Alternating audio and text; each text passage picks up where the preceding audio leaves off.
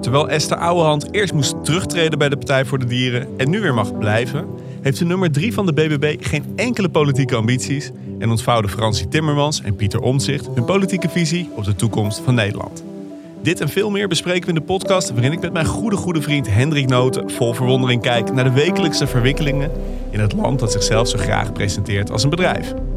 Mijn naam is Sander Heijnen en welkom in de BV Nederland. Wereldwijd zien we een erosie van liberale democratieën. We letten niet voldoende op terwijl onze democratieën langzaam wegglijden en verkeerd gebruik van data ongekende mogelijkheden heeft. Komende week kom ik met een rapport over spionage met software zoals Pegasus. Je kunt daarmee, zonder dat de eigenaar het weet, de telefoon uitlezen, de microfoon gebruiken, de camera gebruiken. Voor uw beeld, dit gaat verder dan George Orwell in 1984. Ja, Hendrik Noten. Ik heb me deze week ondergedompeld in het denken van Pieter Omzicht. En als vertegenwoordiger van, laten we zeggen, vrolijk progressief Nederland, moet ik toch zeggen, ik vind het een tikkeltje sombere man. Een tikkeltje, hè? Mijn god. Terwijl het toch een katholiek is, toch? Ja, Ja, maar Ja. Hij, hij, hij, hij, klinkt inderdaad meer als, als de gereformeerde die echt het, het, ja, het leven is lijden en de verlossing volgt echt pas in het hiernamaals. het is een katholiek van boven de rivieren. Ja, dat maakt wel En uit. nou moet ik zeggen dat mijn vaderskant van de familie is ook een katholieke familie van boven de rivieren. En die grossieren ook niet altijd, iedere dag in vrolijkheid. Nee, is het? nee, nee maar ik goed. vind vrolijk progressief links wel, want we hadden natuurlijk vrolijk rechts. Ja, daar moet toch iets leuks tegenover staan. En dat ben jij, dat ben jij bij deze. Ja, doe jij niet mee? We zullen zo meteen kijken of Frans Timmermans, eh, ook een goed katholiek natuurlijk, niet, Ja. misschien wel iets vrolijker links is. Ja, eerst even iets minder vrolijks, maar toch eh, eh, iets wat ik, waar ik me al de hele week mijn hoofd eh, als eh, Ajax-supporter eh, eh, eh, omheen probeer te krijgen. Is, we hadden een speler, Anthony, Ja. die op zich in de Eredivisie goed was. Maar waarvan we toch een beetje verbaasd waren dat Manchester United er 100 miljoen voor wilde betalen. Zoveel, ja. Zoveel, 100 miljoen hebben die betaald om, eh, ja, om een prima rechtsbuiten binnen te halen. En nu blijkt, wordt hij beschuldigd van het mishandelen van zijn vrouw. En zit Manchester met de hand in het haar van wat moeten we met die jongen? Oei. Hoe zou jij daar, hè, jij bent natuurlijk eh, expert in eh, arbeidsverhoudingen, jij is vakbondsman. eh, maar je hebt ook bij de werkgevers gewerkt. Hoe moet je daar nou mee omgaan? Ja, nou, ik, ik zou persoonlijk, persoonlijk hè, ja, als ik zou samenwerken met iemand die tot echt achter zijn oorschelp onder de tatoeages zit, ja. zou ik me contractueel altijd al wel indekken tegen strafrechtelijke dingetjes. Want je weet natuurlijk, vroeg of laat is de kans wel groot dat het fout gaat. ja, nee, ik vind het een eh, zeer zuivere redenering. Ja? Ja. Totaal niet op vooroordelen maar gebaseerd. mocht men dat in Manchester niet hebben gedaan, dan eh, condoleer ik ze een beetje met deze vorm van kapitaalvernietiging. Wat moet je daar nou mee? Je betaalt 100 miljoen voor iemand en eigenlijk kan je hem niet meer opstellen, want dan ben je een vrouwenhater. Ja, Maar in feite, het is wel heel veel geld. het is heel veel En hij geld. heeft alleen maar zijn eigen vriendin allegedly eh, geslagen. Nou ja, je bent onschuldig tot tegendeel is bewezen. Dit Ja. gaat natuurlijk nooit bewezen worden, kunnen worden, tenzij het gefilmd is. Nee, nou vaak volgens mij lopen deze dingen altijd zo af dat een club inderdaad heel lang probeert om zo'n jongen te laten spelen nog. Maar het vaak toch eigenlijk dan zo minder en minder. Het wordt vaak niet meer beter. Nou, Het wordt voetballend ook niet beter meestal. Nee. hè? En dat is misschien ook wel eh, terecht. Ja, pijnlijk. En, en ergens ook wel weer dat ik denk, ja, 100 miljoen voor een jongen die goed tegen een bal kan schoppen. Jij, vindt het eh, ruim? Ja, ik, ik heb ook dan niet zo'n medelijden of zo met zo'n club. Nee. Nee, Nou, misschien, kunnen ze, waanzin. misschien kunnen ze verkopen aan eh, een of andere Saoedische club. Ja, of een Russische club. Die Ja. eh, hebben ook vaak moreel. Kunnen die wel tegen een stootje, zeg maar. ja, dat heeft Ajax toen ook gedaan met die Promes. Ja. ja, Die werd verdacht van zware mishandeling. Inmiddels is hij veroordeeld. Ja. En eh drugs, criminaliteit. Nee, maar toen hij al verdacht werd, toen is hij nog eh, gewoon hebben ze hem verko- verkocht aan aan, Rusland. aan Rusland. Ja. Nou, bij deze. Nou ja, eh, ik, zou, ik zou, als ik een voetbalclub was en ik een speler van Ajax zou kopen, zou ik de bonnetjes bewaren. Echt waar. Oké jongen, laten we de balans eh, van de week op eh, gaan maken. En eh, jij, jij hebt bovenaan in het draaiboek eh, eh, gezegd over een studiegroep, over de begrotingsruimte. En die zegt, het kabinet moet volgend jaar 17 miljard euro ombuigen. Ja. Ombuigen, Heb ik tussen, aanhalingstekens gezet. tussen aanhalingstekens gezet. Want ombuigen betekent Bezuinigen. niet. Wie, wie denkt, Ombuigen hey, betekent niet uitgeven. hoe kan toch? ik mijn uitgaven ombuigen? Ja. Nou, dat is niet helemaal wat er bedoeld wordt. Nee, er is eh, altijd voor de verkiezingen komt er een groep eh, ambtenaren van financiën. Die heet eh, heel droog de studiegroep begrotingsruimte. Ook vrolijke Fransjes. Ja, en dat zijn eigenlijk ambtenaren die doen een soort advies aan de politiek en aan een volgend kabinet. En je hebt heel veel van die clubjes, maar dit is een, nou, kan ik wel zeggen, de meest invloedrijke. In ieder geval in Nederland. Want dit is de groep die altijd zegt: hoeveel geld kan het kabinet eigenlijk uitgeven de komende Nou, jaren? vertel. 17 miljard minder dan eh, ze dachten. Ja, en de conclusie is: eh, het volgende kabinet moet 17 miljard gaan bezuinigen. Dat is natuurlijk best wel, eh, best wel een fors bedrag. Ja. We hebben jaren gehad dat Rutte 2, volgens mij, of Rutte 1, dat bezuinigde toen ook 16 miljard ging het over. Manchester United koopt er 170 rechtsbuitens voor. Dus je kan er gewoon een hele hoop elftallen. Ja, opstellen. een boel geld. Ehm, dus dat is een serieus signaal. Wil niet zeggen dat de politiek dat per se moet doen. Ehm, maar eh, eh, het lijkt er toch wel een beetje op. En het past ook wel een beetje in de gesprekken die jij en ik de af, het afgelopen jaar hier hebben gehad. Want een van de dingen die die studiegroep eigenlijk zegt, is gewoon: het kabinet heeft allemaal plannen.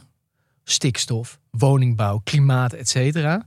Maar eigenlijk, als je heel eerlijk bent, lukt het niet eens om het geld wat er is goed uit te geven. Dus misschien hoef je helemaal niet te bezuinigen. Nee, maar je moet dus wel gaan. Want, want als die stikstofcrisis niet wordt opgelost, kunnen we geen wegen aanleggen. Dus hoef je dat geld niet uit te Nou, geven. kom je een heel eind. Ja. Ehm, Defensie kan niet aan personeel komen, zie ik. Defensie kan niet aan personeel Dus komen. die loonkosten heb je dan niet. Nee, en dus waar het, waar het vooral om gaat. hopen dat die oorlog niet escaleert dan, maar dat terzijde. Waar het, ja, nee, dat zeker. Maar waar het volgens mij vooral om gaat, en, en dat is wel heel interessant, is dat ze dus eigenlijk zeggen: het afgelopen kabinet wilde alles doen, zette overal gewoon een dikke zak geld bij. Was het eigenlijk nergens over eens, maar omdat gewoon overal geld tegenaan werd gesmeten, kochten ze dat eigenlijk af. Ja, en niemand hoeft de pijn te lijden. Niemand hoeft erbij. En nu zeggen ze: ja, dit moet nu echt anders. Er moet gekozen gaan worden door een volgend kabinet. Kijk, En dat betekent ook dat sommige mensen teleurgesteld zullen raken. ja, dus, dus stel, eh de PvdA GroenLinks combinatie, die worden de grootste. Dan mogen zij weer gewoon lekker gaan bezuinigen. In plaats van eh, investeren. ombuigen, zou ik het persoonlijk willen noemen.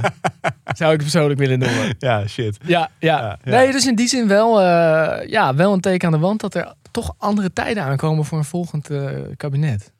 Nou, kan niet wachten. Kan je niet Het enige fijne is, dan hebben we weer genoeg om over te renten na de verkiezingen Ja, in deze zo is podcast. Ja. Hey, eh, wat anders. Eh, onder het kopje eh, democratisch gezond.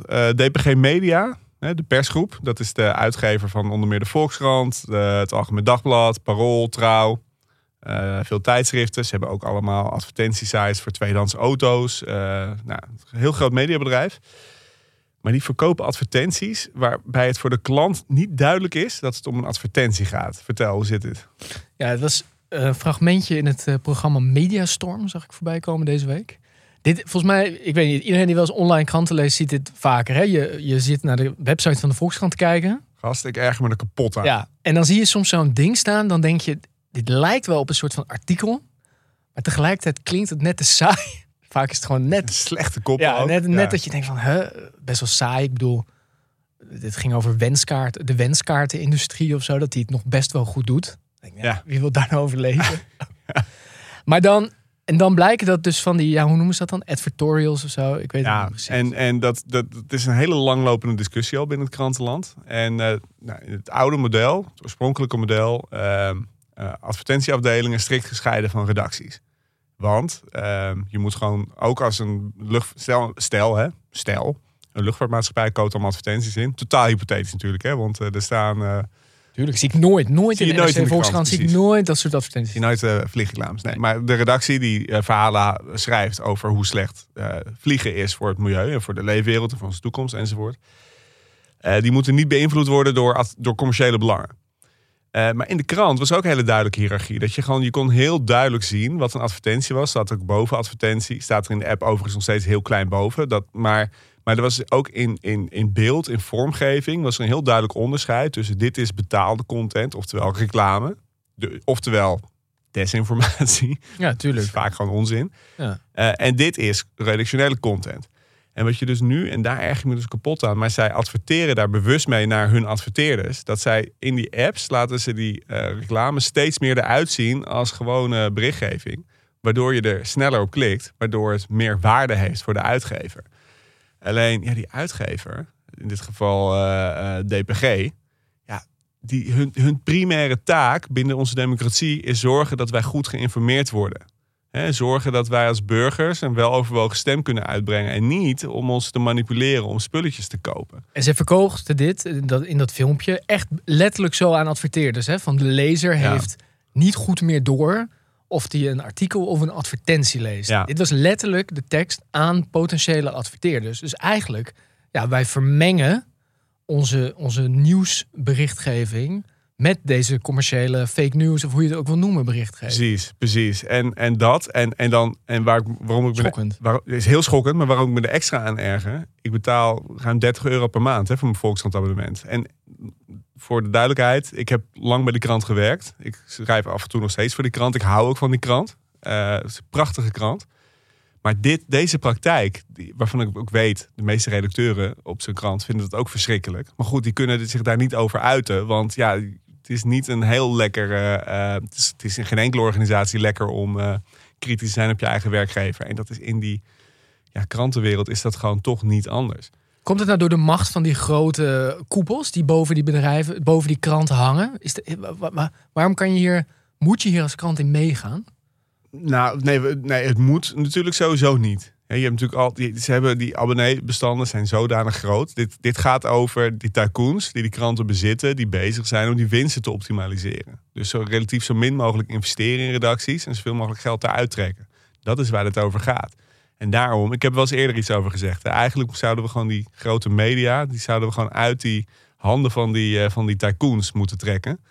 En daar het gewoon weer van het volk moeten laten zijn. En ik ga daar binnenkort denk ik nog een keer op terugkomen. Spannend. Mensen het leuk vinden eh, om er meer over te weten, moeten ze mij maar even direct benaderen via de socials. LinkedIn is het beste overigens. Ehm, maar ik ga er echt op terugkomen, want het, het is, ik erger me. Nou goed, ik heb het al gezegd. Ik, ik erger me dood hieraan. Ja, en, en, en uiteindelijk, je, we, hadden, we zeiden democratisch gezond. Het lijkt mij democratisch niet zo'n gezonde ontwikkeling dit. Totaal niet. Nee. Totaal niet. En we, nou ja, in de intro hoorde je al Pieter Omzicht over hoe de overheid met data en surveillance omgaat. Daar gaan we het straks uitgebreider over hebben. Maar dit is minstens zo'n wezenlijk eh, aspect van de democratie. Dat je gewoon goed functionerende eh, media hebt die gewoon feitelijke informatie brengen. En dat als enige doel hebben en niet als subdoel hebben om te zorgen dat jij dat zij zoveel mogelijk advertenties kunnen kopen, zodat ze daar geld aan kunnen verdienen. Want wat krijg je dan ook? Op het moment eh, dat je dat, je dat eh, te zwaar gaat wegen in je bedrijfsmodel, ja, dan kan het ook zijn dat bepaald type berichtgeving meer kliks genereert, waardoor je ook weer meer advertenties kan verkopen. En dat is natuurlijk precies wat je niet wilt. Je wilt gewoon dat gecontroleerd wordt wat gecontroleerd moet worden. Ja. Nou, dat, eh, ik heb daar nu genoeg over gezegd, want eh, waar ook nog wel even een paar goede onderzoeksjournalisten in moeten duiken, is die Partij voor de Dieren. Ja. Mijn god, wat een week hebben die gehad. Is, het, is er nog ruimte voor woordgrappen? Of is dat al... Nee, dat kan, dat kan meer? nog. Nee, dat kan nog. Ja? Dit is, we hebben het vorige week besproken. Dit is onze safe space. Ja? Onze luisteraars Ja. zijn onderdeel van de safe space. Hier kunnen we gewoon alles zeggen wat ons. eh, Ja? Beestenboel bij Partij voor de Dieren, mag het? Animal Farm in Ouwehands Dierenpark? Nou, lekker. Ja, mag lekker. Die vind ik heel dubbel. Ja, Mag het? ja. Ja, nee, het, eh, terwijl wij... Ja, die is, ja, die is best Die zijn leuk, goed. Ja, hij is Ja, goed. die is best Ja. leuk. Wij lagen Ehm, erin. Leuk. Terwijl wij opnemen vers van de pers, het bestuur van de Partij van de Dieren kondigt eh, vertrek aan. Ja, je moet even misschien eh, gewoon. Maar het het it was a iedereen wild die ride. onder een steen heeft gelegen. De week begon met. Ja, de, het- plotseling, volgens mij heel onverwachte aankondiging voor iedereen, de buitenwereld, dat eh, de, het bestuur Esther Ouwehand, waarvan eerder was gezegd dat die werd, zou voorgedragen worden als lijsttrekker, die de afgelopen jaren tamelijk succesvol ook de Partij van de Dieren een gestage groei heeft laten doormaken. Zeker. Eigenlijk als een van de weinige partijen, heel, Goed Kamerlid ook. heel steady groei, dat die eh, toch niet zou worden voorgedragen, omdat er eh, vermeende integriteitsmeldingen van integriteitsschendingen zijn binnengekomen. Nou, Ik, je- ik had een hoog Pierre van Hooydonk eh gehalte Ja. bij deze aantijging. dat is wel een hele Dat goede gevoel. vergelijking. Hè? Ik bedoel, Ja, als je iemand beticht van integriteitsschendingen, is het misschien toch goed om er even bij te melden wat dat dan is. Had zij, ik zat meteen te denken, had zij een legbatterij in de kelder? Dat kan me voorstellen dat dat aanleiding is om er niet op de lijst te zetten. ja kijk, Gaat ze in het weekend eh, de wei in om een koe om te duwen? dat deed ik vroeger trouwens. Deed jij dat? Ja, Ja? ja als we dan, oh, dat moet ik, nou, ik hoop dat Esther Ouwehand zelf niet luistert, maar als kan ik niet meer op die lijst. nee, als we dan s'nachts eh terug, ja, dit is wel echt even een heel kort uitstapje, maar dan, eh, ik, ik woon natuurlijk in Dalfsen Ja. en wij gingen stappen dan in Zwolle, dat is een kilometer of dertien fietsen door de wei, tussen de weilanden door.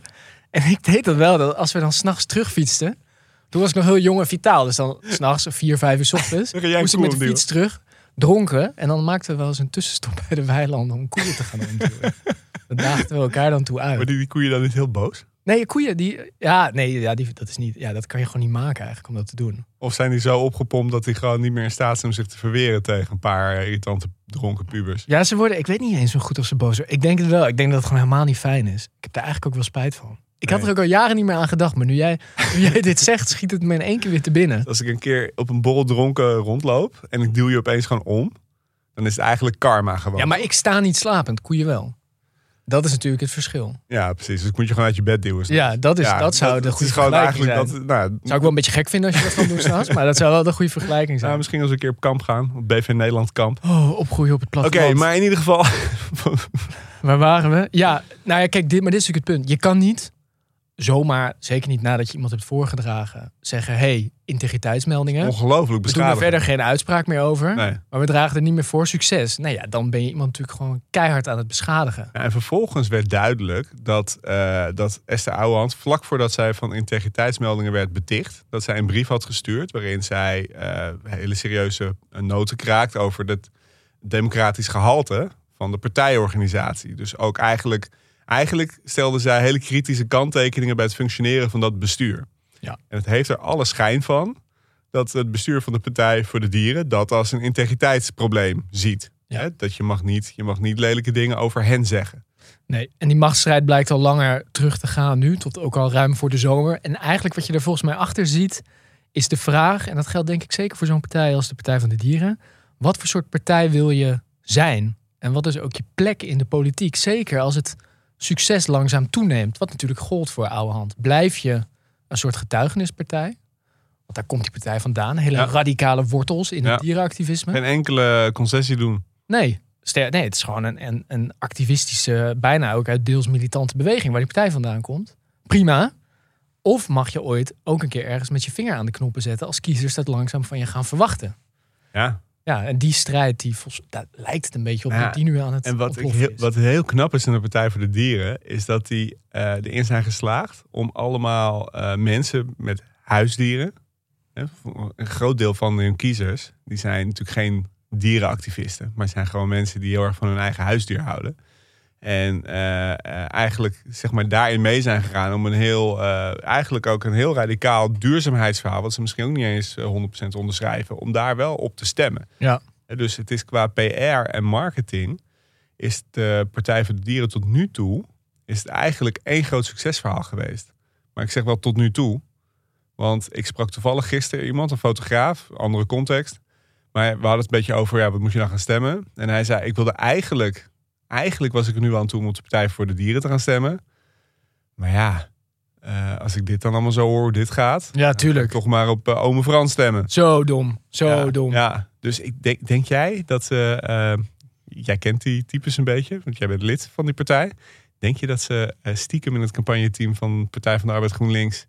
Ja. zich daar zitten te verkneukelen? Omdat ze denken, oeh, dit zijn misschien zomaar vier, vijf zeteltjes die wij weer erbij kunnen Ik krijgen. denk dat die wel dachten van eh, wat een onverwachts cadeautje. Ja, Ja, zo cynisch is het dan ook wel weer. ja. Ja. En zou dit nog gevolgen gaan hebben? Of is het snel genoeg gesmoord, bestuur weg, Esther Ouwehand blijft. Over twee maanden zijn de verkiezingen. Is iedereen het weer al lang weer vergeten? Ja, ik denk het wel. Die kans is wel groot. ja. Als ze er nu zo snel binnen een week er een einde aan maken, is de kans toch wel groot dat ze de raad weer op kan pakken. Maar ja, een zeteltje ben je gauw kwijt. Want er gaan geen echte integriteitsschendingen meer boven tafel. je weet het natuurlijk niet. Nou, anders zouden die toch, ik bedoel, voor je aftreedt. Anders zou je die toch wel gewoon op tafel gooien, denk ik. Of is dat ook niet integer? Nee, dat is ook weer niet heel integer. Dan wordt het natuurlijk echt een, een enorm moddergooierij. Ja, we gaan het zien. Eh, va- Laten we zo zeggen, dit soort dingen zijn vaak... Of het, het kan een groeipijntje zijn. Daar heeft mijn dochter eh, ook wel eens last van. Ja. ja hoe gaat het? Ja, dat hartstikke goed. Ja? Of het kan ook vaak het stapje zijn in het uiteenvallen van een partij. En dat, dat moet echt een beetje blijken. Dat we afsplitsingen krijgen. Ja, tuurlijk. De Partij Ja. voor de Amfibieën. Ja. De Partij voor de Landzoogdieren. Ja, is te makkelijk dit. Ja, sorry. Oké, volgende. Hey, eh, ja, nou, over eh, eh, discussies gesproken. De Volkskrant had deze week een bericht. En het ging over dat Extinction Rebellion. Hè, mensen die zich laten arresteren op snelwegen. of op vliegvelden, op dingen die ze blokkeren. Om te strijden tegen in dit geval de fossiele subsidies. Dat dat white privilege zou zijn. Dat het white privilege is als je, jezelf, als je het kan permitteren om jezelf gewoon doelbewust te laten arresteren. Ja. Wat vind jij daarvan? Ja, ik vond het een moeilijk. Sowieso, er is veel te zeggen over die bezetting van de A12 de afgelopen dagen. Dit, Zo. dit is de eerste ervan. Ik vond dat best wel een moeilijk, ingewikkeld punt. Ik vond het, het, het argument was: mensen van eh, kleur worden over het algemeen harder behandeld door de politie. En kunnen zich in feite minder permitteren om zich, wat die activisten doen, vrijwillig te laten arresteren. Omdat waarschijnlijk de consequenties harder zullen zijn voor hen. En ik denk dat daar zit natuurlijk kern van waarheid in. Ja, Eh, dus vooropgesteld. Ik, ja dat dat privilege waar- bestaat. Ja, en ik denk dat dit Ja. gewoon waar is. En ik denk dat het ook echt waar is dat, die, eh, dat, dat XR en die beweging, het is nog een hele witte beweging. Ehm, dus volgens mij is dat, dat, dat klopt feitelijk. De vraag die je vervolgens denk ik wel moet stellen, en dat vond ik er ingewikkeld aan. Het is ook een heel effectieve beweging geweest de laatste maanden. We hebben het er vorige week natuurlijk even over gehad. Over Ingrid Thijssen die bij Buitenhof erop moest gaan reageren. Ministers die reageren op die fossiele subsidies gewoon een onderwerp op de kaart. ze krijgen een onderwerp wel op de kaart. En ehm, de vraag die je dan moet stellen is: ondanks is dit een terecht punt? Denk ik ja. Is het ook een, een relevant punt voor waar die beweging zich nu mee bezig moet houden? Denk ik misschien nee. Omdat het doel is eigenlijk een andere. En dat, dat voelt voor mij een beetje ingewikkeld als, als witte man van in de dertig om dat zo te zeggen. Nou, Ik, ik, dan, ben toch geneigd te denken... die succesvolle beweging moet zich nu niet te veel laten afleiden door dit soort vragen. zal ik anders gewoon het mijnenveld inlopen? Ja. Trigger warning. Ik vind het een totale onzinnige Oké, claim dat is ook- dit geval. dat is- ja. Zo kan je het ook zeggen. ja, nee, white privilege bestaat absoluut. Ik bedoel, En het punt is ook niet, niet onwaar, toch? Wat gemaakt wordt. En, en het is een relatief heel witte beweging. Dat is ook zo. Maar dat is niet eh, zo omdat mensen worden uitgesloten. Iedereen is welkom zich aan te melden. En kan, ik kan me heel goed voorstellen dat je. Dat, ik kan me heel goed voorstellen dat je niet geneigd bent, zeker niet als je al met vooroordelen en discriminatie te maken hebt. Dat je denkt van ik ga zomaar eh, als, als keuzemogelijkheid een strafblad oplopen. Dat snap ik allemaal volledig. En dat is ook terecht. En dat is een heel groot sociaal probleem dat we moeten oplossen. Maar ik ben wel eens meegelopen. Nou, ik heb het wel eens vaker over gehad. Ik heb er ook een podcast over gemaakt in de Ommezwaar aflevering 5. Ik ben meegegaan toen naar die bezetting eh, op Schiphol. eh, met Extinction Rebellion en Greenpeace. En Ja, die gingen die privévliegtuigen. privévliegtuigen gingen zich om- omheen vastketenen.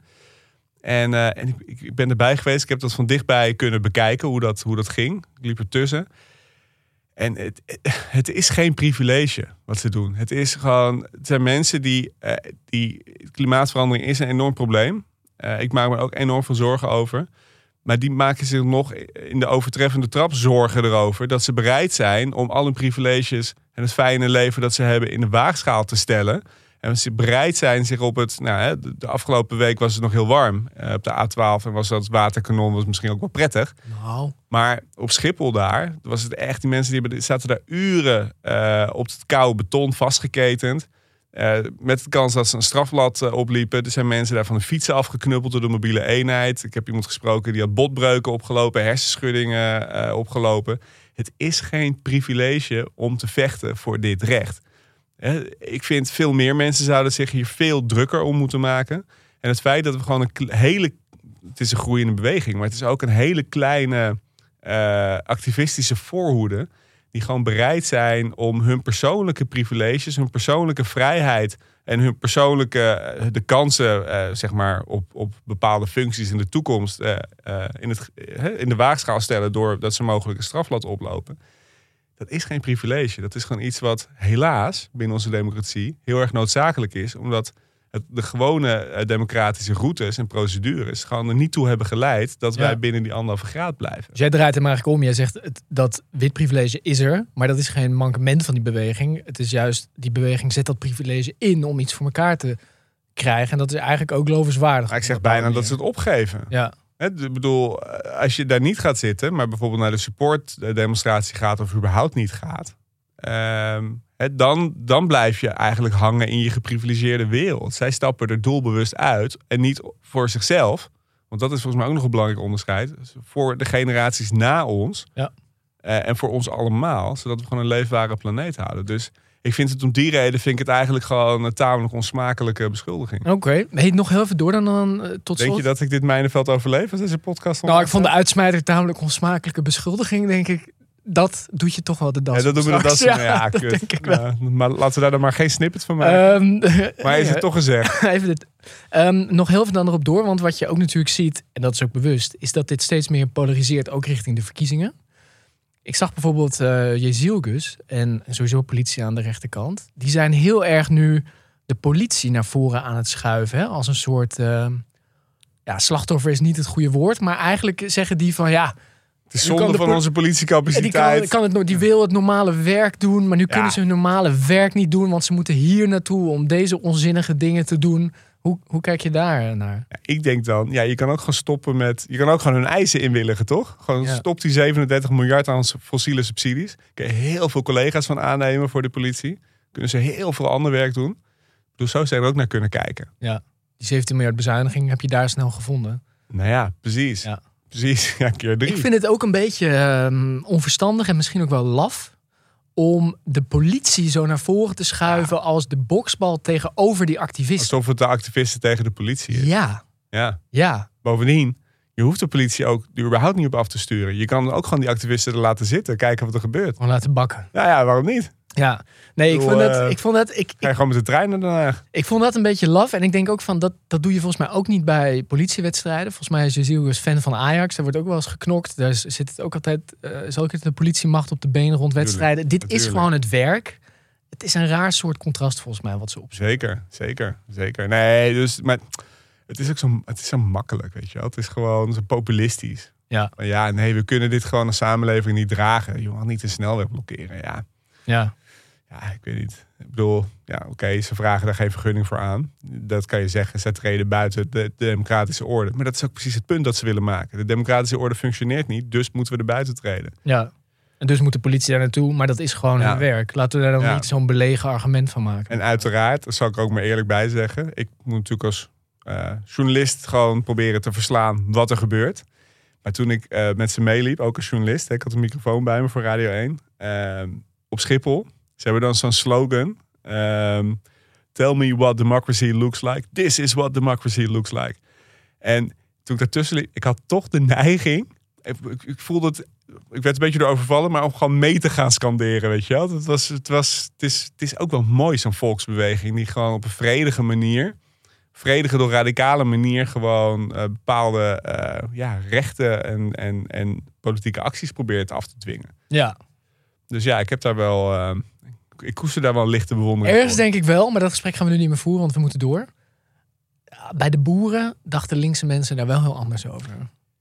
Zeker. Heb je in één zin, kan je daar tegen verdedigen? Of zeg je van nee, dit is ook gewoon omdat ik met het een meer affiniteit heb dan met het ander? Nou, Extinction Rebellion die strijdt voor een publiek eh, belang wat ons allemaal aangaat. En de boeren strijden toch vooral om hun eigen persoonlijke belang. Ja. Dus dat is wel een verschil. Ja. Een tweede verschil vind ik ook wel dat ehm, eh, de boeren kwamen met trekkers. Weet je, en die hebben asbest op snelwegen in de fik gestoken. En die gaan politici bij hun huis opzoeken, wat gewoon heel intimiderend is. Dus die treden op een heel andere manier, op een veel intimiderende manier buiten de rechtsstaat. Ja. Zij zeggen van tevoren, we gaan daar die snelweg blokkeren in het weekend. Dus iedereen die naar Den Haag moet, kan zich daarop aanpassen. Want je kan ook eh, over de A44 naar Den Haag. Je kan met de trein naar Den Haag. Je kan op de fiets naar Den Haag. Dus het is niet een... Het is... Het is Het is allebei buiten de rechtsstaat, maar op een andere manier en met een ander doel. En, dus mag je er ook anders naar kijken. ja, Ja. vind ik wel. Nou, goed punt. Alright. Hey, zullen we het dan zo gaan hebben over eh, eh, Pieter Omtzigt en Frans Timmermans en hun visies op dit prachtige, prachtige land? Hm.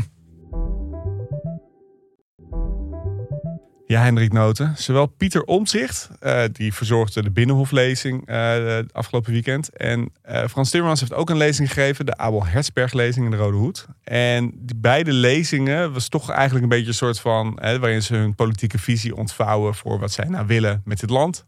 En waarom zij hun politieke leven leiden en, nou, enzovoort. Een beetje de geloofsbrieven. We hebben ze allebei uitgebreid bestudeerd. Ja, en we gaan het erover hebben. Laten we... de, lezing is wel De lezing is terug, hè? terug. Ja. Ja. vorige week hadden we Van de Plas natuurlijk. Ja. met de HH School. Ik vind dat mooi. Ja, zeker. Want het dwingt de politie om... Een partijprogramma is toch een beetje een opsomming van beleidsmaatregelen. Puntjes. Maar dit is toch meer, oké, maar wat is het verhaal dat je wil vertellen? Terwijl je wel inhoudelijk moet worden. Ja, en aan het begin van deze aflevering heb ik een paar fragmenten uit eh, Pieter Omzicht uh, zijn, uh, zijn lezing, zijn binnenhoflezing geknipt. Begenadigd spreker. Poeh. ik heb, ik heb, ik gaan heb, het over de inhoud hebben. ik vond het dus, ik vond eigenlijk dat je het dus niet kon maken om op basis van één lezing eh Omzicht. eh, want ik was niet heel enthousiast over de binnenhoflezing, moet ik heel eerlijk zeggen. Daar komen we dan straks over. Dus ik heb er nog eentje van hem beluisterd, van een paar maanden eerder. Omdat ik dacht, eh, je moet even kijken of het niet gewoon... Ja, wat, wat is de, bre- de bredere, hè, zeker nieuwe partij, nieuwe ideeën. Wat is een beetje de bredere context, de bredere denken. Maar het, het, het positieve aan omzicht is, als je die lezingen gaat luisteren... en je zet ze op anderhalf keer de snelheid... kan je het nog prima volgen. Want man die praat heel langzaam. Maar het is geen vrolijke Frans. Nee. Zullen we beginnen we bij eh Omtzigt? Ja, laten we maar doen. De Binnenhoflezing. Ehm, hij ontvouwt eigenlijk zijn visie op de overheid. Op hoe hij er naar kijkt. Eigenlijk op, op de nieuwe bestuurscultuur. Het sociaal contract. Ja, dat is- partij voor de staat. partij ook heet. Maar dat is, dat is wel meteen het eerste wat me opviel. Hij komt in dat verhaal niet echt met een visie op het land. Hij, komt vooral, hij is vooral bezig met gewoon hoe de overheid, eh, zeg maar, en hoe de democratie, hoe dat dient te functioneren. Ja, dat is echt wel de- het kernpunt van zijn verhaal. Ja. Nu in die lezing. En ook in de lezing die hij in juni hield. Precies. Die wij allebei teruggeluisterd Dus hebben. als jij wilt weten hoe hij denkt over stikstof, of over eh, subsidies voor zonnepanelen of niet, of over de kinderopvang, of over al dat soort dingen, dat kom je eigenlijk niet te weten als je naar zijn lezingen luistert. Nee. En misschien het meest opvallende daarin, om daarmee af te trappen, is dat het beeld dat hij schetst van de overheid, van de staat, van de democratie, dat is behoorlijk dystopisch. Mag ik het eigenlijk wel zo noemen, denk ik? Ja, zeker. Ja, ik bedoel, hij zegt toch, hij zegt zelf, het is erger dan Orwell. En daar zit ik meteen wel met een puntje van kritiek. Dat doet hij.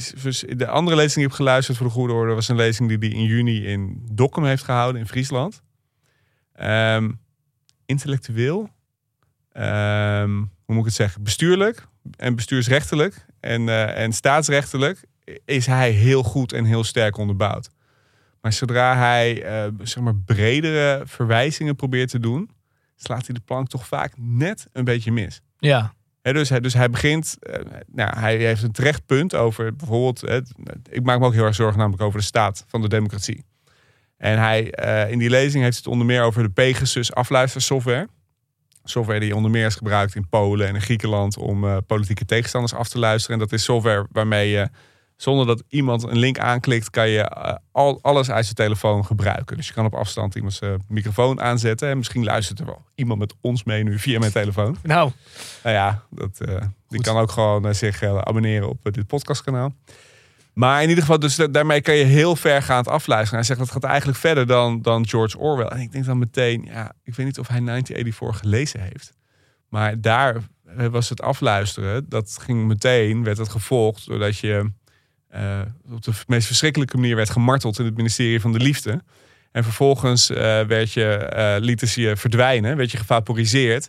En werd ieder spoor dat je ooit bestaan had, werd door een ambtenaar van het ministerie van de Waarheid uitgewist, uitgegumd. En, en ik maak me ook zorgen over die afluistersoftware. Maar in zijn beeldspraken, en ik vind dat toch wel een belangrijk punt, want hij is iemand die zich heel erg bezighoudt met procedures en met dat het feitelijk moet blijven. Maar in zijn beeldspraken zit hij toch, slaat hij de plank gewoon vaak net mis. Hè? Dus hij trekt parallellen die er niet zijn. En je kan zeggen dat is een klein detail, maar dit is een man van de details. Althans, zo presenteert hij zich graag. En dat, ja, het viel me op, omdat hij dat in die lezing in Dokkum doet hij dat ook. Weet je, hij, hij zit er gewoon, zodra hij probeert bredere intellectuele verwijzingen te maken, zit hij er gewoon steeds net na. ja, en hij zegt dus in die binnenhoflezing, de overheid kan snel totalitair worden. Dat, dat is een woord dat hij gebruikt. Dat is nogal wat, hè? Ja. Ehm, want de overheid heeft eigenlijk steeds meer informatie over burgers en controleert steeds meer burgers.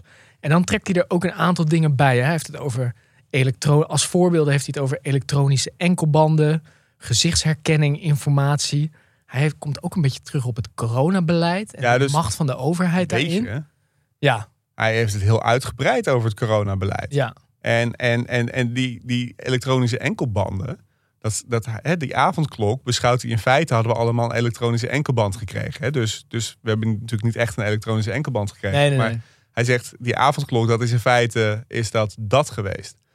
En waar hij terechtpunten maakt, is natuurlijk moet daar een parlementaire enquête naar. En de onderste steen moet boven over wat er precies hoe uh, besloten is. Hij maakt ook hele terechte punten over Mark Rutte. Die de archiefwet overtrad en terwijl hij gewoon per sms het land aan het regeren was deels. En die sms'jes niet heeft opgeslagen. Dus hij maakt een heleboel rechtsstatelijke punten die heel terecht zijn. Maar hij schetst inderdaad echt een pikzwart beeld van een overheid die op geen enkele manier functioneert. En uh, dan ben ik uh, als journalist ook op aarde om de overheid te controleren. Maar laten we ook niet vergeten, het meeste gaat natuurlijk gewoon goed. Ja. Misschien een beetje gek om het uit mijn mond te horen, maar het meeste functioneert natuurlijk gewoon wel in ja. Nederland. Ja. Ja, dus dat is denk ik dan interessant in zijn visie uh, over de relatie tussen burger en overheid. Ik, ik had dat zelf nooit zo beseft. Is heel erg eigenlijk gebouwd op een heel sterk wantrouwen naar die overheid. Best wel dystopisch, de beelden die hij schetst. Maar vervolgens in de, de, de dingen die er moeten gebeuren, of de voorbeelden van hoe dat ontspoort, vind ik dat dat af en toe best wel. Ik denk, vind het ook erg dat de archiefwet wordt ge, niet wordt gerespecteerd. Natuurlijk. Maar daarmee zijn we nog niet, volgens mij, totalitair als, als staat met elkaar. En ik denk dat dat ook iets zegt over meer de, de oplossingen die hij vervolgens aandraagt. dus de, de, de visie, het beeld van de overheid is, is heel pikzwart. Maar als je vervolgens kijkt naar wat hij wil, de oplossingen die hij zoekt, die zoekt hij dan eigenlijk best wel in ja, op de parlementaire vierkante kilometer, kan ik dat zo zeggen? Ja, maar wat hij, maar wat, kijk, wat hij bijvoorbeeld heel terecht opma opmerkt, de rechtsstaat is er niet voor de makkelijke momenten. De rechtsstaat is voor als het moeilijk wordt. dan moet je juist mensenrechten en de, de, moet de overheid zich aan de, recht, aan de wet houden. En er zijn een heleboel voorbeelden te noemen waarin de overheid zich niet aan de wet heeft gehouden de afgelopen jaren. De toeslagenaffaire is natuurlijk iets waar hij het heel veel over heeft en terecht. Ik bedoel, dat is, dat is een ongelooflijk grof schandaal. Er zijn wel veel meer voorbeelden uh, die hij noemt, hè, waarin de overheid zich, of de Belastingdienst of andere diensten zich niet uh, strikt aan de wet hebben gehouden. En, en hij doet ook, dus hij zegt dat moet sowieso, dat moeten we aanpakken. Nou, dat lijkt mij meer dan terecht. Hè, maar dat is gewoon een heel rechtsstatelijk punt. Ehm, hij zegt ook, het, het, Kamerlidmaatschap, daar maakt hij een heel goed punt over. Hè, van het Kamerlidmaatschap is geen opstapje naar een burgemeestersbenoeming of een post in het kabinet of een mooie baan in de lobbycratie. Het Kamerlidmaatschap is natuurlijk het belangrijkste ambt. En we moeten die Tweede Kamer gewoon heel goed de macht controleren als Tweede Kamer. Ja. En we moeten heel goed alle procedures volgen. En we moeten heel goed alle stukken lezen. En niet uh, uh, gewoon over de 4000 moties die ieder jaar worden ingediend, allemaal een tweet sturen. En uh, daar een scherp meningje over hebben. Ja. En, en weer overgaan tot de orde van de dag. Dus, dus, dus, dus, dus hij combineert zijn wantrouwen jegens de overheid eigenlijk aan dat uh, zijn collega's in de Tweede Kamer, dat die niet goed functioneren, dat die niet goed snappen, zegt hij ook vrij letterlijk eigenlijk, dat die niet goed begrijpen waarom ze in die Kamer zitten. Ja, hij is vrij, als ik zijn collega Kamerlid zou zijn. Ik heb ook wel eens begrepen. Zou ik hem niet zo heel sympathiek. Ik heb ook wel eens begrepen van collega Kamerleden uit verschillende partijen dat dat zo is. Ja, ja. want hij wil precies, want hij wil ook een constitutioneel hof om ja. uh, dan dingen te toetsen aan de grondwet. Hebben we niet in Nederland, wat er is geïmpliceerd dat de Tweede Kamer gewoon wetten maakt die in lijn zijn met de grondwet. En hij heeft hij zegt eigenlijk, ja, maar, zegt hij, nee, maar hij zegt ook letterlijk van ja, maar dat, dat kan de Tweede Kamer eigenlijk helemaal niet meer. Nee. Dat, dat, dat is wel nogal een aantijging. Nee, maar daar heeft hij ook gelijk in. Ik bedoel, uh, feitelijk uh, worden er gewoon voortdurend wetten naar de, uh, gaan door de Tweede Kamer heen, die dan door de rechter worden teruggestuurd, omdat die, dat die gewoon ja. niet sporen met de grondwet. Hè? Dat is volgens mij laatst nog met zo'n migratie, hè, de gezinshereniging helemaal afschaffen. Hè? Dat wilde Rutte voordat het kabinet erover viel, is door de rechter toen gewoon teruggestuurd. Dus ja, dat is een onzinmaatregel. Dat kan helemaal niet met de grondwet. Dus dat komt voor. En ik vind het een heel goed punt dat je, dat je een constitutioneel hof hebt dat gewoon heel goed in staat is om wetten te toetsen aan de grondrecht. Aan de grondwet. Lijkt mij een heel redelijk punt. Uh, dus, dus, dus hij maakt echt wel hele goede punten. En, uh, en hij zegt ook: hè, de eerste taak van de nieuwe Tweede Kamer is het op orde brengen van de informatie- en machtsbalans. Hè, want, want informatie is macht. Dus de Tweede Kamer als controleur van de macht moet kunnen beschikken over alle informatie die uh, die het kabinet heeft. En dat was onder Rutte. Of die vergat dingen, of die had geen actieve herinneringen.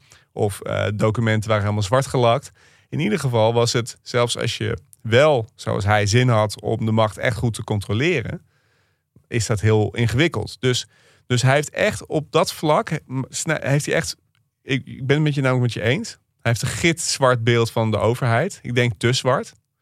Tegelijkertijd denk ik, eh, een Kamerlid als Pieter Omtzigt is ongelooflijk nuttig en belangrijk om, eh, om te zorgen dat de, gewoon de procedures die we democratisch met elkaar hebben afgesproken, dat die juist worden opgevolgd en dat de overheid zich niet te buiten gaat en niet laat verleiden om onrechtstatelijke dingen te doen. En dat is zijn agenda ook. Dus het is heel bestuurlijk in feite. Zijn oplossingen zijn allemaal eigenlijk heel bestuurlijk Precies. om die balans, toch wel een beetje die parlementaire balans, recht te trekken. En daarom zijn zijn lezingen tikkeltje saai om naar te luisteren.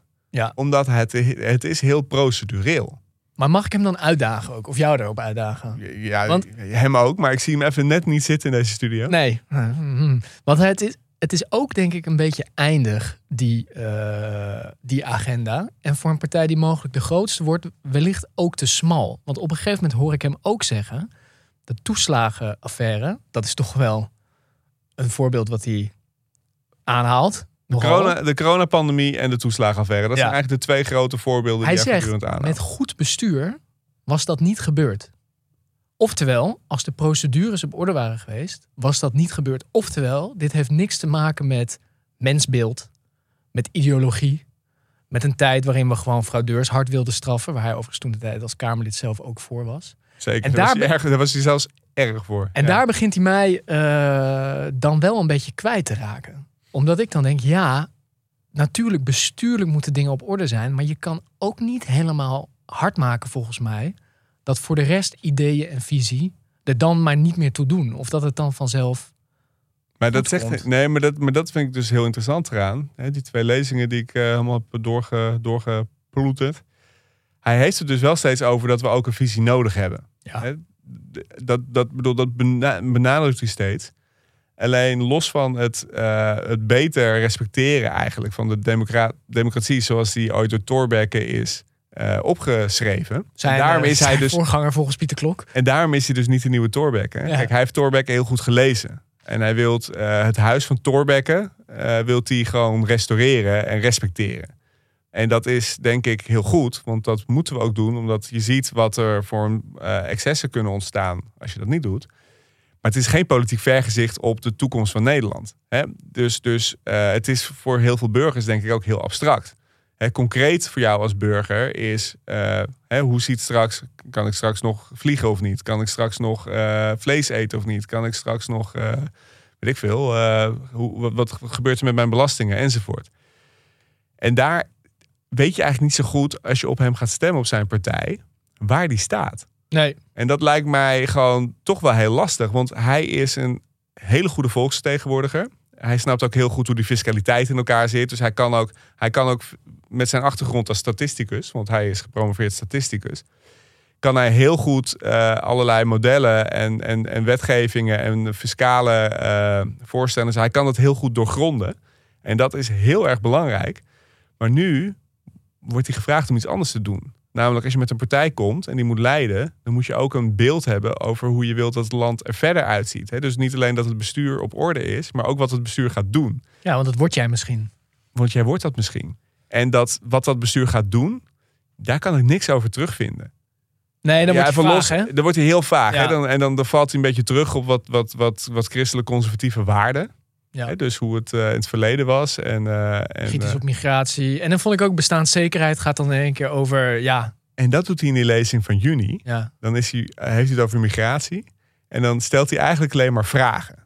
Dus hij, hij, komt niet met, hij zegt niet wat hij wilt, maar hij stelt vragen. Dus hij, hè, dan, dan werpt hij op dat er heel veel studenten vanuit de hele wereld in Nederland komen. En dat we daar, mede dat ze hier komen, dat ze hier goedkoop kunnen studeren en we dat subsidiëren. En omdat het gewoon dom... Ook daar is weer de ondertoon. Omdat gewoon al die ministers fucking dom waren en dat hebben laten gebeuren. Ja, precies. Maar, maar hij maakt dan weer, en daar gaat hij weer, maakt hij gewoon weer intellectuele verwijzingen die gewoon niet kloppen. Hè? Dan gaat hij vervolgens een verwijzing maken dat, eh, naar eh, de universiteit die Friesland ooit had. hè. Ik dacht Franeker, Ja. Dokkum. Ja, Franeker. Franeker. Hè, IJzer IJzinga heeft daar gezeten, Descartes heeft daar gezeten. En, eh, en, eh, en eh, belang van het behoud van de Nederlandse taal. Hè, want we, geven te veel er wordt te veel in het Engels gedoseerd in zijn ogen. En als we dat gewoon in het Nederlands doen, dan is het en beter voor de Nederlandse taal en cultuur. En het is beter, ehm, eh, ja, eigenlijk dat is het. En er komen minder buitenlandse studenten, want die kunnen geen Nederlands.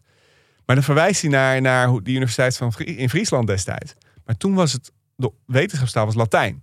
Ja. Toen werd er niet in het Fries of in het Nederlands gedoseerd. Dat was in het Latijn. Ja. En daarom kon Descartes hier ook studeren. Omdat het in het Latijn was. En het hele, de hele samenleving, eh, het huis van Thorbecke, zeg maar de liberale democratie zoals die is ontstaan. Het, het, veel van dat denken is in de 17e eeuw in Nederland gebeurd. Dat is echt de grote, eigenlijk misschien wel de grootste bijdrage van Nederland aan de moderne wereld. Is niet de kolonialiteit. Het was sowieso niet het kolonialisme, zeg maar. Daar hebben we het natuurlijk heel vaak over. Maar wat eigenlijk de grote bijdrage van die Gouden Eeuw is, dat hier vrijheid was om eh, van gedachten te wisselen. Dus kwamen denkers, grote denkers uit heel Europa, die namen hun toevlucht, toevlucht in Nederland. Tijd van geschrift. Die konden met elkaar in debat, met elkaar praten. Die konden boeken drukken. Op een gegeven moment werd 30% van alle boeken in de wereld in Amsterdam gedrukt. Omdat er zoveel vrijheid hier was. En, en juist door die ontmoetingen en door al die knappe koppen bij elkaar te brengen... hebben we die liberale democratische stelsel uitgedacht. En juist om die reden is het heel goed om ook in deze tijd zoveel mogelijk slimme jonge mensen bij elkaar te brengen als hub in Nederland. Omdat daar nieuwe ideeën uitkomen. Een bedrijf als ASML, waar iedereen trots op is. Ja, dat kan alleen maar bestaan bij de gratie dat gewoon de slimste mensen uit de hele wereld hier bij elkaar komen. Ja. Eh, om na te denken over hoe kunnen we chips nog slimmer en eh, geavanceerder maken. En dat geldt voor heel veel vakgebieden.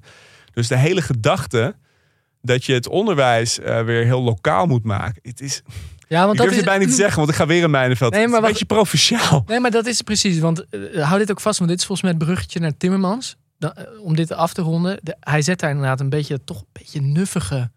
Ja goed, dat is dan onze opvatting vanuit deze studio in Amsterdam. Ruitjeslucht die... eh, Nou ja, het belang van de lokale gemeenschap. Waar inderdaad taal, identiteit en cultuur maar dat behouden is, maar worden. dat is heel belangrijk. Maar dan moet je de bibliotheek open houden. Nee, oké, maar precies. Maar, en, En het onderwijs moet je, gewoon het basisonderwijs op orde maar brengen. daar eigenlijk is daar, zit daar niet echt een lijn in zijn denken. En ik vind dus tot slot... bij- Zeker nog, het, het, het is gewoon een warrig verhaal. Bij bestaanszekerheid doet hij een beetje hetzelfde, want dat is dan een van zijn kernthema's. En daar zegt hij eigenlijk ook, ja, bestaanszekerheid gaat over inkomen, over een goede woning kunnen vinden, over toegang tot onderwijs, over kinderopvang. En dan denk ik ook van, ja, gast, dit is gewoon de grote thema's uit de publieke sector waar dit land mee worstelt. Dit is niet een, dit is gewoon alles. Weet je wel, dit is niet een, iedereen vindt dat we hier wat aan moeten doen. Ja. Dit is, en hier zijn nog geen oplossingen. Ja, iedereen wil een toegankelijke, toegankelijke woning hebben. Ja, we know. Ja, Weet je, we weten het. Echt waar. alle partijen roepen het. Ja, en maar, maar, maar wat, wat zijn dan jouw ideeën die daar dan wat aan gaan doen? En eigenlijk komt hij dan weer terug tot, ja, we hebben er dom beleid op gemaakt. En dat dom beleid is gemaakt omdat het bestuurlijk niet op orde is. En dan komt hij weer terug bij die, ja, die, die kernagenda van het. Precies, precies. En dat valt me gewoon toch wel tegen. Ja, ik vond het ook tegenvallen. Dus, dus, dus, dus uiteindelijk, Misschien komen die verkiezingen ook twee jaar te vroeg voor hem. ja, dat zou heel er gewoon goed nog niet over nagedacht. Dat zou heel goed kunnen, ja. Dat hij daar niet aan toegekomen is. Maar weet je wat ik dacht? Ik snap dat het niet kan, hè, wat ik nu ga voorstellen. Maar eigenlijk zou Pieter Omtzigt zichzelf moeten laten klonen. Dat er gewoon 18 Pieter Omtzigts zijn. Ja, nee, dat is heftig. dat is heel heftig. Ik zie ze nu ook voor me in één ruimte. Op Met een dat- borrel. Nee, dat, nee, dat, gaat, dat gaat mis. Maar dat- die moeten geen eigen partijen oprichten. Maar gewoon op nummer twee van iedere kieslijst moet Pieter Omtzigt staan. Zodat je in iedere fractie gewoon iemand hebt die eh, heel precies dat rechtsstatelijke, dat procedurele en dat democratische bewaakt. Die heel goed, er moet, ook, er moet er ook eentje in de treffenzaal zitten. En, en dat doet hij dan wel weer aardig. In eh, zijn eh, binnenhoflezing begint hij met het beeld dat hij scheidsrechter is bij voetbal. En dat het heel belangrijk is dat de scheidsrechter het spel goed bewaakt. Dat is ook de rol die hij voor zichzelf ziet. Ja, dat klopt. En iedere, iedere fractie heeft dus zo iemand nodig. Zo'n zo'n Pieter Omtzigt, zo'n rechtsstatelijk, procedureel geweten. Die ook nog in staat is om al die moeilijke dossiers eh, inhoudelijk eh, door, te, door te vogelen. En dan vervolgens heb je daarnaast, en dat is misschien dan wel het bruggetje naar Timmermans. Het zou ook naar een andere eh, partij kunnen zijn, maar we gaan het zo hebben over de lezing van Timmermans. Gewoon iemand, ja, toch een visionair. Die een, ons mee kan nemen in een verhaal over het land waar we over 30 jaar met elkaar willen wonen. En waarvan je denkt, ja, daar zou ik willen wonen. En dan heb je de scheidsrechter nodig om te zorgen dat we, dat we de, de pad er naartoe, dat we daarin geen, uh, geen gekke Echt onrechtsstatelijke dingen die doen. scheidsrechter. Want het is zo ook het beeld inderdaad. En eigenlijk als je er door denkt, ja, maar de scheidsrechter faciliteert het spel. Zorgt dat het binnen de grenzen blijft. Precies, Maar bepaalt niet hoe het spel eruit ziet. precies. En dat is eigenlijk een heel rare rol voor jezelf om te zien als je eventueel de grootste partij wil worden. En misschien is dit wel de grote weeffout in onze democratie op dit moment. En je moet gekozen, je moet kiezen op mensen die een, een groot eh, verhaal kunnen, kunnen brengen. En blijkbaar is het niet automatisch dat die mensen zeg maar, dat spel goed beheersen of volgens de regels willen spelen. Zo'n probleem. Dus, eigenlijk, dus eigenlijk, eigenlijk zou, het- zou, zou je als kiezer allemaal een omzicht aan een fractie moeten kunnen toevoegen. Maar dat kan natuurlijk niet. Dus ik heb niet direct een concrete oplossing. Maar dit, was, dit is dus mijn gevoel bij deze man. Oké, en dan ome Frans dus. Ome Frans, Fransie Timmermans, de Abel Hersberg lezing, Rode Hoed. Ja, die hield ook een lezing dit weekend. Ehm, Ander soort lezing hè? heel ander soort lezing. Jij haalde een hele mooie passage eruit die je mij appte. Ja. Ja, het zijn sowieso natuurlijk twee totaal verschillende persoonlijkheden. Los van dat het allebei goede katholieken zijn. Eerlijkheidshalve heb ik de lezing van eh, eh, waar ik omzicht eh alles de lezing heb beluisterd. Dat vind ik fijn. Hè? Dan hoor je ook de intonatie en hoe het gebracht wordt. Die lezing van Frans, die kon ik niet terugvinden als stream. Dus die heb ik maar gewoon van papier gelezen. Ja. Maar die weet, ja, die weet wel hoe je een verhaal moet vertellen. Ja, ja. Nee, de vorm is natuurlijk wel iets erudieter. Zou ik dat zo mogen zeggen? Zo mag je dat zeggen. Zeker. Dan bij omzicht. Maar goed, dat, dat, uiteindelijk gaat het om de inhoud en niet alleen om de vorm. Wat, gewoon, wat volgens mij opvallend is. Een aantal, ik vond een aantal dingen opvallend in zijn verhaal. De eerste is dat hij zich indirect, volgens mij, in zijn verhaal. best wel afzet tegen het denken van omzicht. ja, En ook een beetje het denken van Van der Plas, maar daar hebben we het vandaag niet. eh, voor zover het denken staat hier ook tussen aanhalingstekens. vertel. Zo, zo, Maar- ja. Ehm, maar het denken van, eh, nou ja, de, wat je eigenlijk al noemde, hè, het, het, toch die gedachte van omzicht dat, dat de gemeenschap, de lokale gemeenschap, die moet weer centraal staan. En, en migratie is daarvoor toch een indirecte bedreiging. Een totalitaire overheid is daarvoor een indirecte bedreiging. Zeker. Ja. Eh, en eigenlijk zie je Timmermans daar heel erg juist tegenover zetten dat die gemeenschappen ook beklemmend zijn. En ook zelfs verstikkend misschien zijn geweest. En dat we een, juist een overheid nodig hebben die mensen ook de kansen biedt om te ontsnappen aan hun gemeenschap. Omdat dat vrijheid biedt. Vrijheid aan het individu, in feite. Ehm, Ja, en hij zegt dus heel mooi, hè?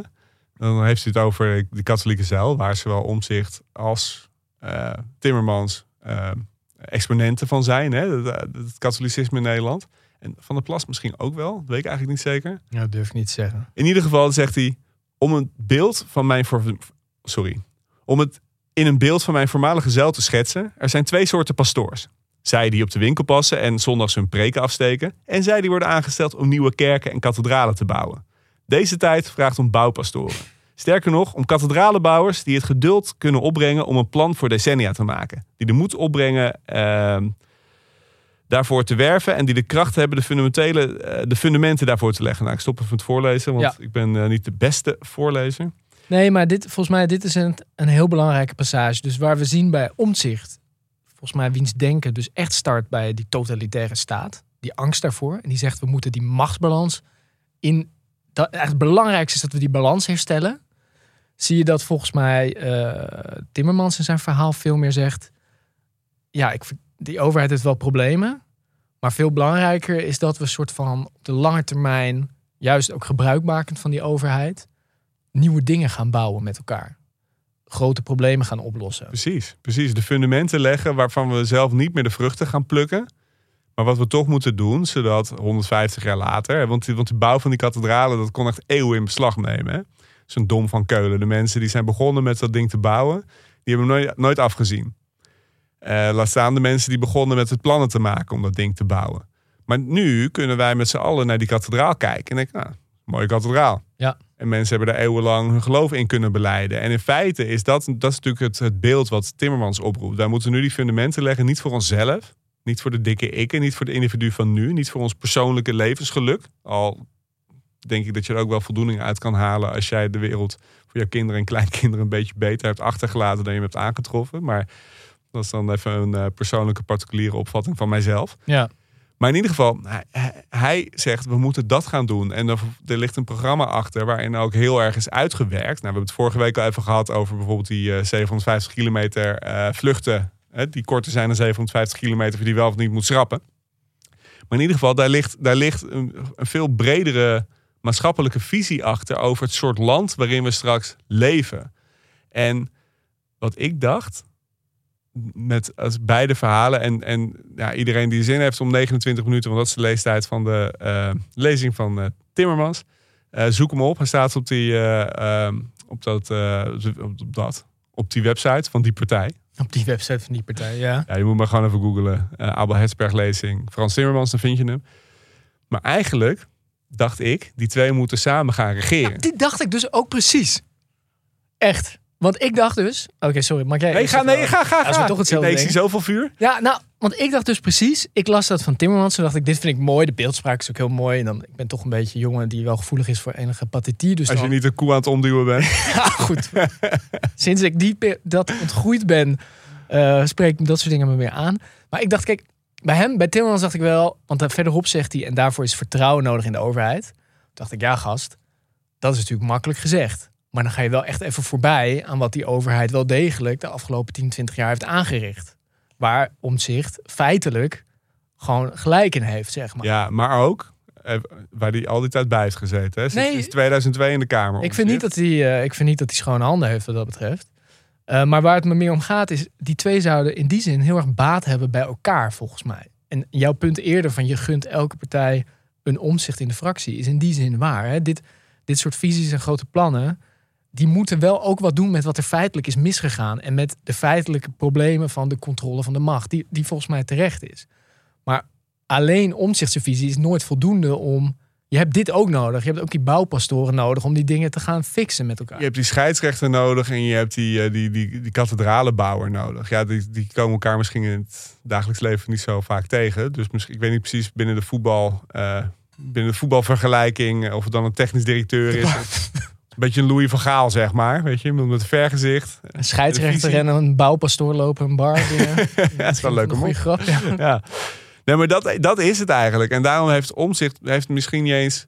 Daarom zou het wel goed zijn als Omzicht gaat regeren. Dat hij wel bij het. Hè, je ontkomt namelijk niet aan, eh, aan het maken van deeltjes eh, en coalitieoverleg eh, en katshuisoverleggen enzovoort. Maar dan moet Omzicht gewoon aan tafel zitten. Dat is natuurlijk heel belangrijk voor het herstel eh, van het vertrouwen in de overheid. Maar je hebt inderdaad die twee samen nodig. En dan, dan zou dat wel eens, eh, zou dat wel eens heel fris kunnen worden. Dus wel de vraag of dan uiteindelijk dat beetje nuffige, de gemeenschap tegenover toch de individuele vrijheid van, van Francie, wat, wat, op, wat op die schaal zeg maar gaat winnen. Daar ben ik dan nog wel nieuwsgierig naar. Nou ja, ik- kijk, ik ben jarenlang voetbaltrainer geweest. En niemand houdt van de scheidsrechter. Nee, is Maar iedereen, tenminste, ik heb mijn pupillen altijd geleerd. Iedereen moet de scheidsrechter respecteren. een handje geven. En een handje geven. En beleefd zijn. En nooit tegenspreken. Nee. En volgens mij is dat zeg maar de rol van omzicht. Je hoeft niet van hem te houden. Het zijn, al, het zijn altijd ook aparte types. Die het leuk vinden wedstrijden te fluiten. wel echt waar. En, en, en, en dat moet ook. Die moeten niet aardig gevonden willen worden, want die moeten gewoon op de regels letten. Dus het maakt helemaal niet uit. Hè? Als, eh, Timmermans heeft lekker, vaak genoeg lekker geluncht in Brussel om gewoon een beetje die spruitjes licht om zich heen te moeten kunnen. Nou, ik vind, het, ik vind het interessant. Als je die twee zou. En ik zou iedereen echt aanraden. Ik, ik weet dat het niet heel aangenaam is om naar te luisteren. Maar check echt een keer die lezing ook van Pieter Omtzigt. En, en luister ze gewoon op anderhalf keer de snelheid. Luister ze op anderhalf keer snel. Hij heeft zijn eigen podcastkanaal waar hij ze allemaal uploadt. Ja. Daar kan je het allemaal Je terugluisteren. kan je dus ook abonneren op de lezingen van Pieter Omtzigt. Want ja, hij, hij wordt op handen gedragen. En, en dat is ook goed om de dingen die we volgens mij noemden. Maar er zitten ook grote gaten en, en tegenstrijdigheden in zijn denken. En die moeten, daar moeten we ook kritisch op zijn met elkaar. Daar moeten we kritisch op blijven. Want het, het, de, de voorbeelden, eh, wat ik al noemde, hè, over, over dat hoger onderwijs. Ja, daar slaat hij de plank gewoon echt heel erg mis. Ja. En ook feitelijk. En dat is wel iets waar hij eh, misschien wel een, eh, een meer. Hè, hij is natuurlijk een, hij is dus een, een, een econometrist, een statisticus. Ja, daar heeft hij misschien gewoon toch een goede geesteswetenschapper naast hem nodig. die een beetje meer weet van de geschiedenis eh, van dit land. Want Ja. anders krijg je het conservatisme. Van dat, je, dat je een beeld schetst om terug te verlangen naar een tijd die nooit heeft bestaan. En dat moet heel eerlijk zeggen dat heel conservatief Nederland er wel een beetje de neiging heeft om, eh, om dat te doen. Ja, mooi. Oké. Oké jongen, dan gaan we naar onze rubriek Only Frans. En in die rubriek eh, hebben we het steeds over mensen die dingen over Frans hebben geroepen die misschien net niet helemaal waar zijn. In Brussel zit die Timmermans. Vous insistez, le président et moi, on peut aussi. Dat noem ik de groene gek. Die is helemaal losgeslagen. Die Green Deal is niet een blauwdruk. Maak hem nou niet zo groot. Essere sicuri che nel futuro. Nou, maak hem nog eens niet zo groot. Als hij de ruimte krijgt, dan, dan, dan ontregelt hij nog erger het land als Kago het kan doen.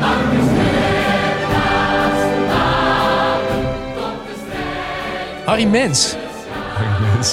Heeft hij iets gezegd over Frans dat niet helemaal bezijdig de waarheid is? maakt dus blijkbaar nog altijd het programma Business Class op RTL. Wist jij dat? Ja, dat wist ik wel. Maar eh, Ik, eh, ik wist dat niet. Wie had dat, wie had dat gedacht? hey, weet je wat nog leuker is? Als je hem een paar duizend euro paast, jij hebt gast bij Harry Mens. Ja? Dan één Oh, grote, is dat nog steeds zo? ja, het is één grote advertorial. Ja.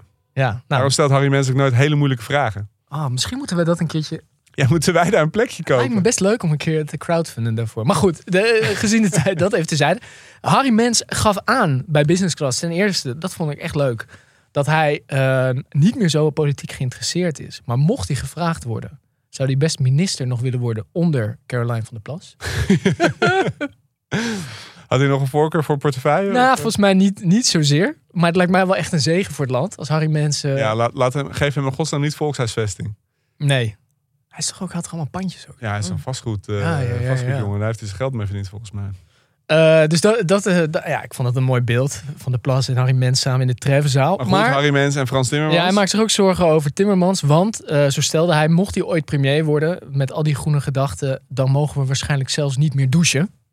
Überhaupt niet. Nee, gewoon niet meer douchen. Oh, Toen dacht ik...